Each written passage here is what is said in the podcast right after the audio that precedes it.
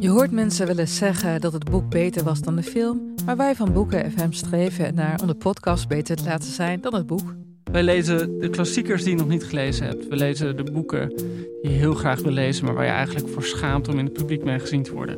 We lezen de Libris-winnaars. Uh, we praten over de Nobelprijslariaten. Allemaal zoals je een etentje hebt dat je moeiteloos mee kan praten en dat het lijkt alsof je helemaal belezen bent. Wij zijn Ellen, Joost en Charlotte van Boeken FM en je kunt ons luisteren in je favoriete podcast-app.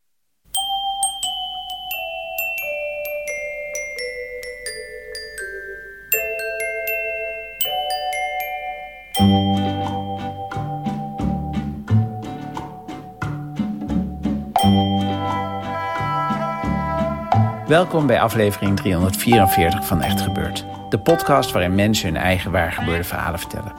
In deze aflevering een verhaal dat Rosa van Toledo in februari 2018 vertelde tijdens een verhalenmiddag met als thema verovering.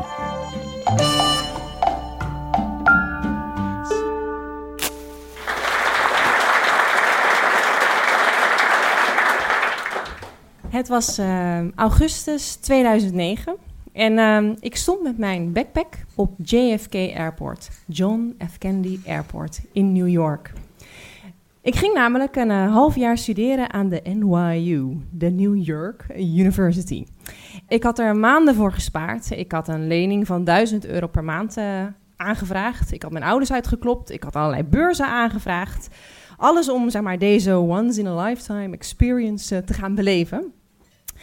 Want het was het ook. Uh, er waren maar uh, vier mensen van mijn uh, universiteit, de UVA, uitgekozen om dat semester naar, naar New York te gaan. En ja, ik was uitgekozen.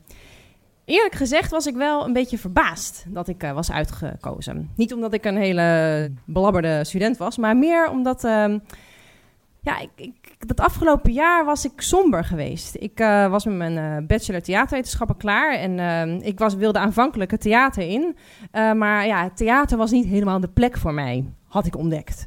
Ik dacht ik, dat ik met het theater de wereld zou ontdekken. Maar ehm, ja, vooral vond ik dat ik de ego's van de regisseurs en acteurs leren kennen. En ik was begonnen met een master filosofie. Maar ja, wat ga je daarmee doen? Maar goed, ik was wel uitgekozen. New York lag voor mij een half jaar. The City of Dreams. Dus ik dacht, nou ja, misschien heeft deze stad wel een antwoord op mijn vraag. De volgende dagen kocht ik een uh, fiets, een nieuwe telefoon en een uh, computer. En uh, een kaart. Want ik fietste heel New York door. Van Williamsburg naar Harlem en weer terug naar downtown. En van downtown naar Brooklyn. Omdat ik op zoek ging naar een huis.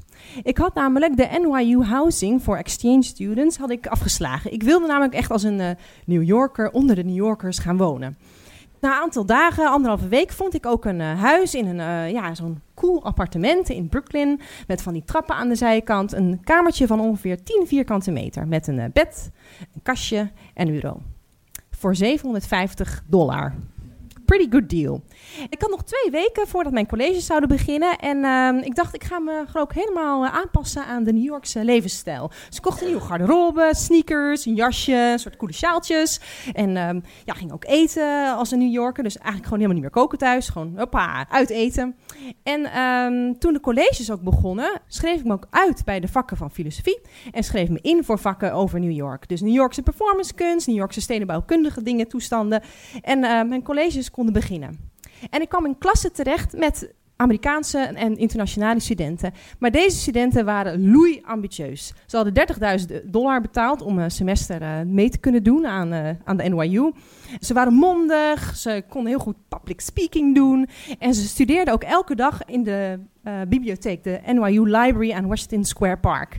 En ik dook erin. Ik deed helemaal mee. Ik ging ook echt elke dag studeren, zo aan die NYU Library. Ik had het vroeger, ja, niet helemaal, uh, ja, ik studeerde wel, maar niet van acht tot uh, avonds. En, maar nu wel. En uh, in de, tijdens de lunchpauzes ging ik op de NYU, zeg maar bij de Washington Square Park, had je allerlei muzikanten. En daar zaten die studenten ook allemaal omheen te, te eten met allerlei lekkere dingetjes, sushi en weet ik veel, India's allemaal. En daarna gingen ze weer terug naar de bibliotheek. En op een van die middagen um, sprak een jongen mij aan. Ik was aan het studeren en uh, hij klopte zeg maar, uh, mij aan en hij zei... Um, hey, of ik, uh, do you want something to drink? En ik zei eerst van, ah nee. Dat had net namelijk ook een andere jongen mij gevraagd in hetzelfde kabinetje. En toen had ik ook al gezegd nee. En, maar deze, ja, op een of andere manier sprak hij me toch wel aan. Hij had blonde krullen. Hij was een beetje kleiner dan ik. had een bril en die stond een beetje zo scheef op zijn, op zijn hoofd.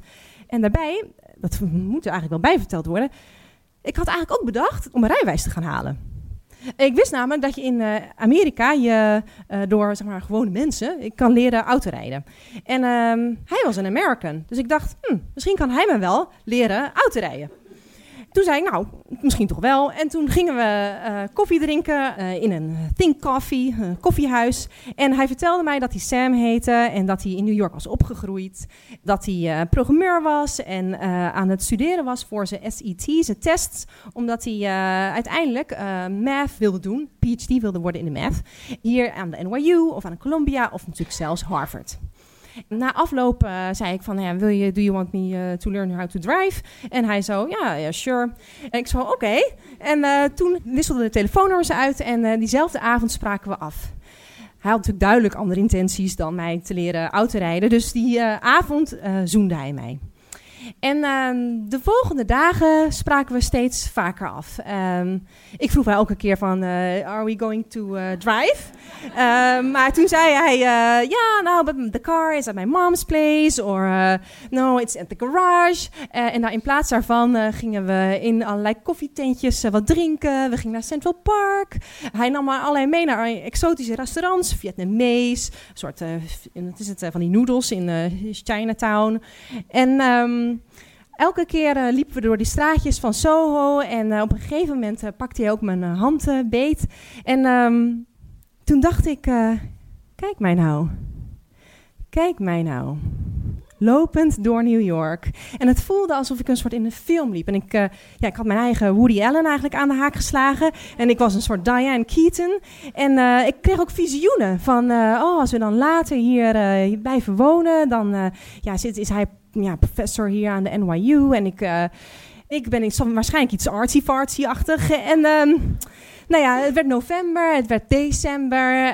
Um, we, ik ging mee met Sam naar een um, buitenhuisje in het noorden van, uh, New, van New York. Ik haalde mijn tests met A's en uh, de feestdagen kwamen eraan. New Year's Eve. En het was pas begin januari dat ik ontdekte dat ik over drie weken weer terug naar Amsterdam ging.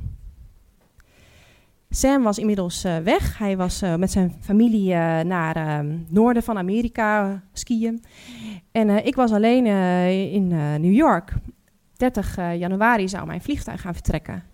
En het idee dat ik weer terug zou gaan naar Amsterdam, dat, ik, ging, ik ging daar bijna over, over mijn nek. Dat ik dan weer terug in Amsterdam was en gewoon weer boterhammend eten. Nog steeds twijfelachtig wat ik dan zou gaan doen weer in een soort lethargische staat zou komen zonder New York.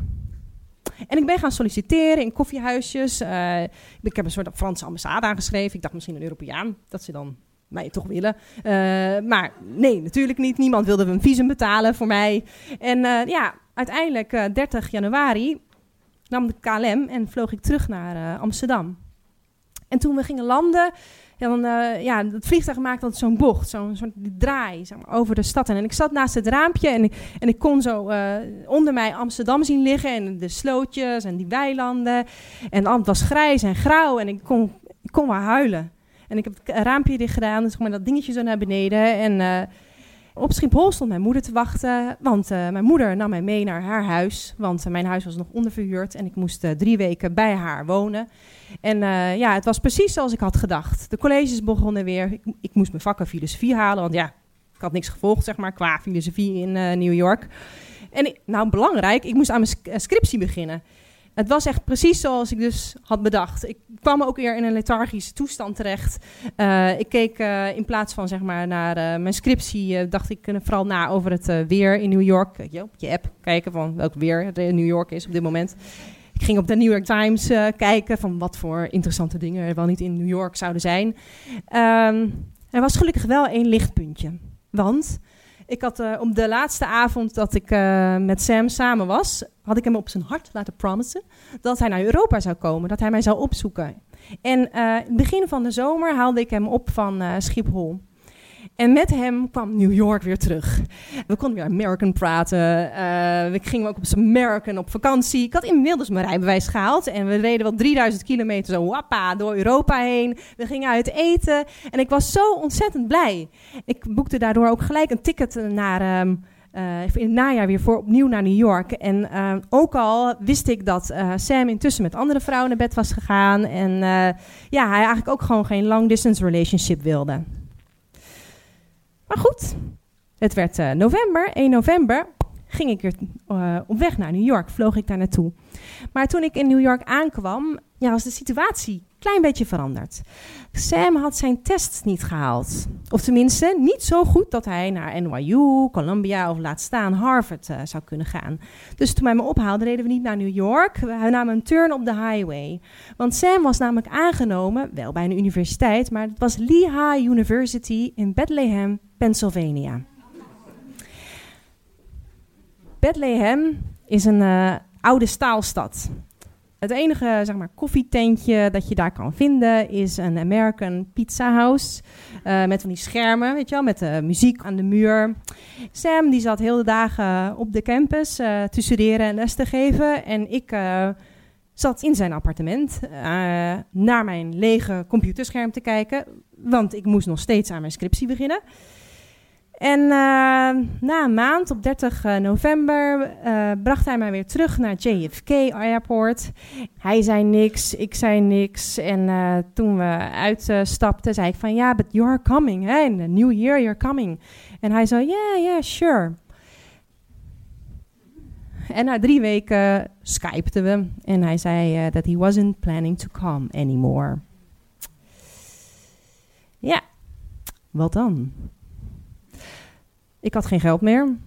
Ik had een hele hoge studieschuld. En uh, ik was eigenlijk nog steeds even tobberig als altijd.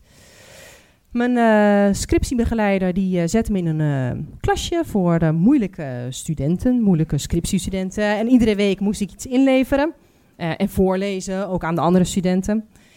Ik nam een baantje op de markt, kaas verkopen aan juppen en toeristen. Maar ja, na drie kwart jaar had ik mijn scriptie af. En uh, misschien toch een betere plek om de wereld te leren kennen. Ik ging uh, stage lopen bij de omroepen, journalistiek. Het is nu ongeveer acht jaar geleden. In oktober ben ik 33 geworden. En mijn huidige vriend, die gaf mij een cadeau. Vijf dagen in New York. We vlogen op JFK Airport. En toen we aankwamen, huurden we fietsen en we dronken in allerlei koffietentjes. We gingen naar Central Park. We gingen naar de NYU Library. We bezochten mijn oude huis. En we liepen door de straatjes van Soho. Maar uh, toen we terugvlogen en uh, nou ja, dat vliegtuig, weet je wel, weer begon te dalen. En uh, die draai werd weer gemaakt. En dan komen de weilanden op en de slootjes, Amsterdam. Was ik heel blij dat ik weer thuis was. Dankjewel.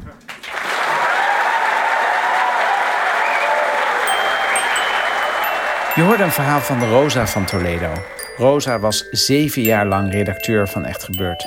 Maar ze heeft vorige week helaas afscheid van ons genomen... om zich meer te gaan toeleggen op haar werk als zelfstandig documentairemaker... en als producer van de NRC-podcast Onbehaarde Apen. Abonneer je daar vooral op als je hem nog niet kent. We zijn Rosa heel dankbaar voor haar jarenlange inzet voor Echt Gebeurd. Zonder de inzet en kunde van Rosa zou Echt Gebeurd niet zijn wat het nu is... Wij en onze vertellers hebben niet alleen veel van Rosa geleerd, maar vooral ook met heel veel plezier met haar samengewerkt. We zien uit naar wat ze gaat maken en hopen haar in de toekomst nog vaak als verteller te verwelkomen op ons podium en op de podcast. Rosa's opvolger is Bijke Aarts. En verder bestaat onze redactie uit Paulien Cornelissen, Maarten Westerveen en mijzelf, Micha Wertheim. Productie Hanna Ebbingen, zaaltechniek Nicolaas Vrijman, podcast Gijsbert van der Wal. Dit was aflevering 344. Tot volgende week en vergeet intussen niet, als je het gevoel hebt dat je met een American door een film loopt, let dan op, want wie weet loop je wel door je volgende waargebeurde verhaal.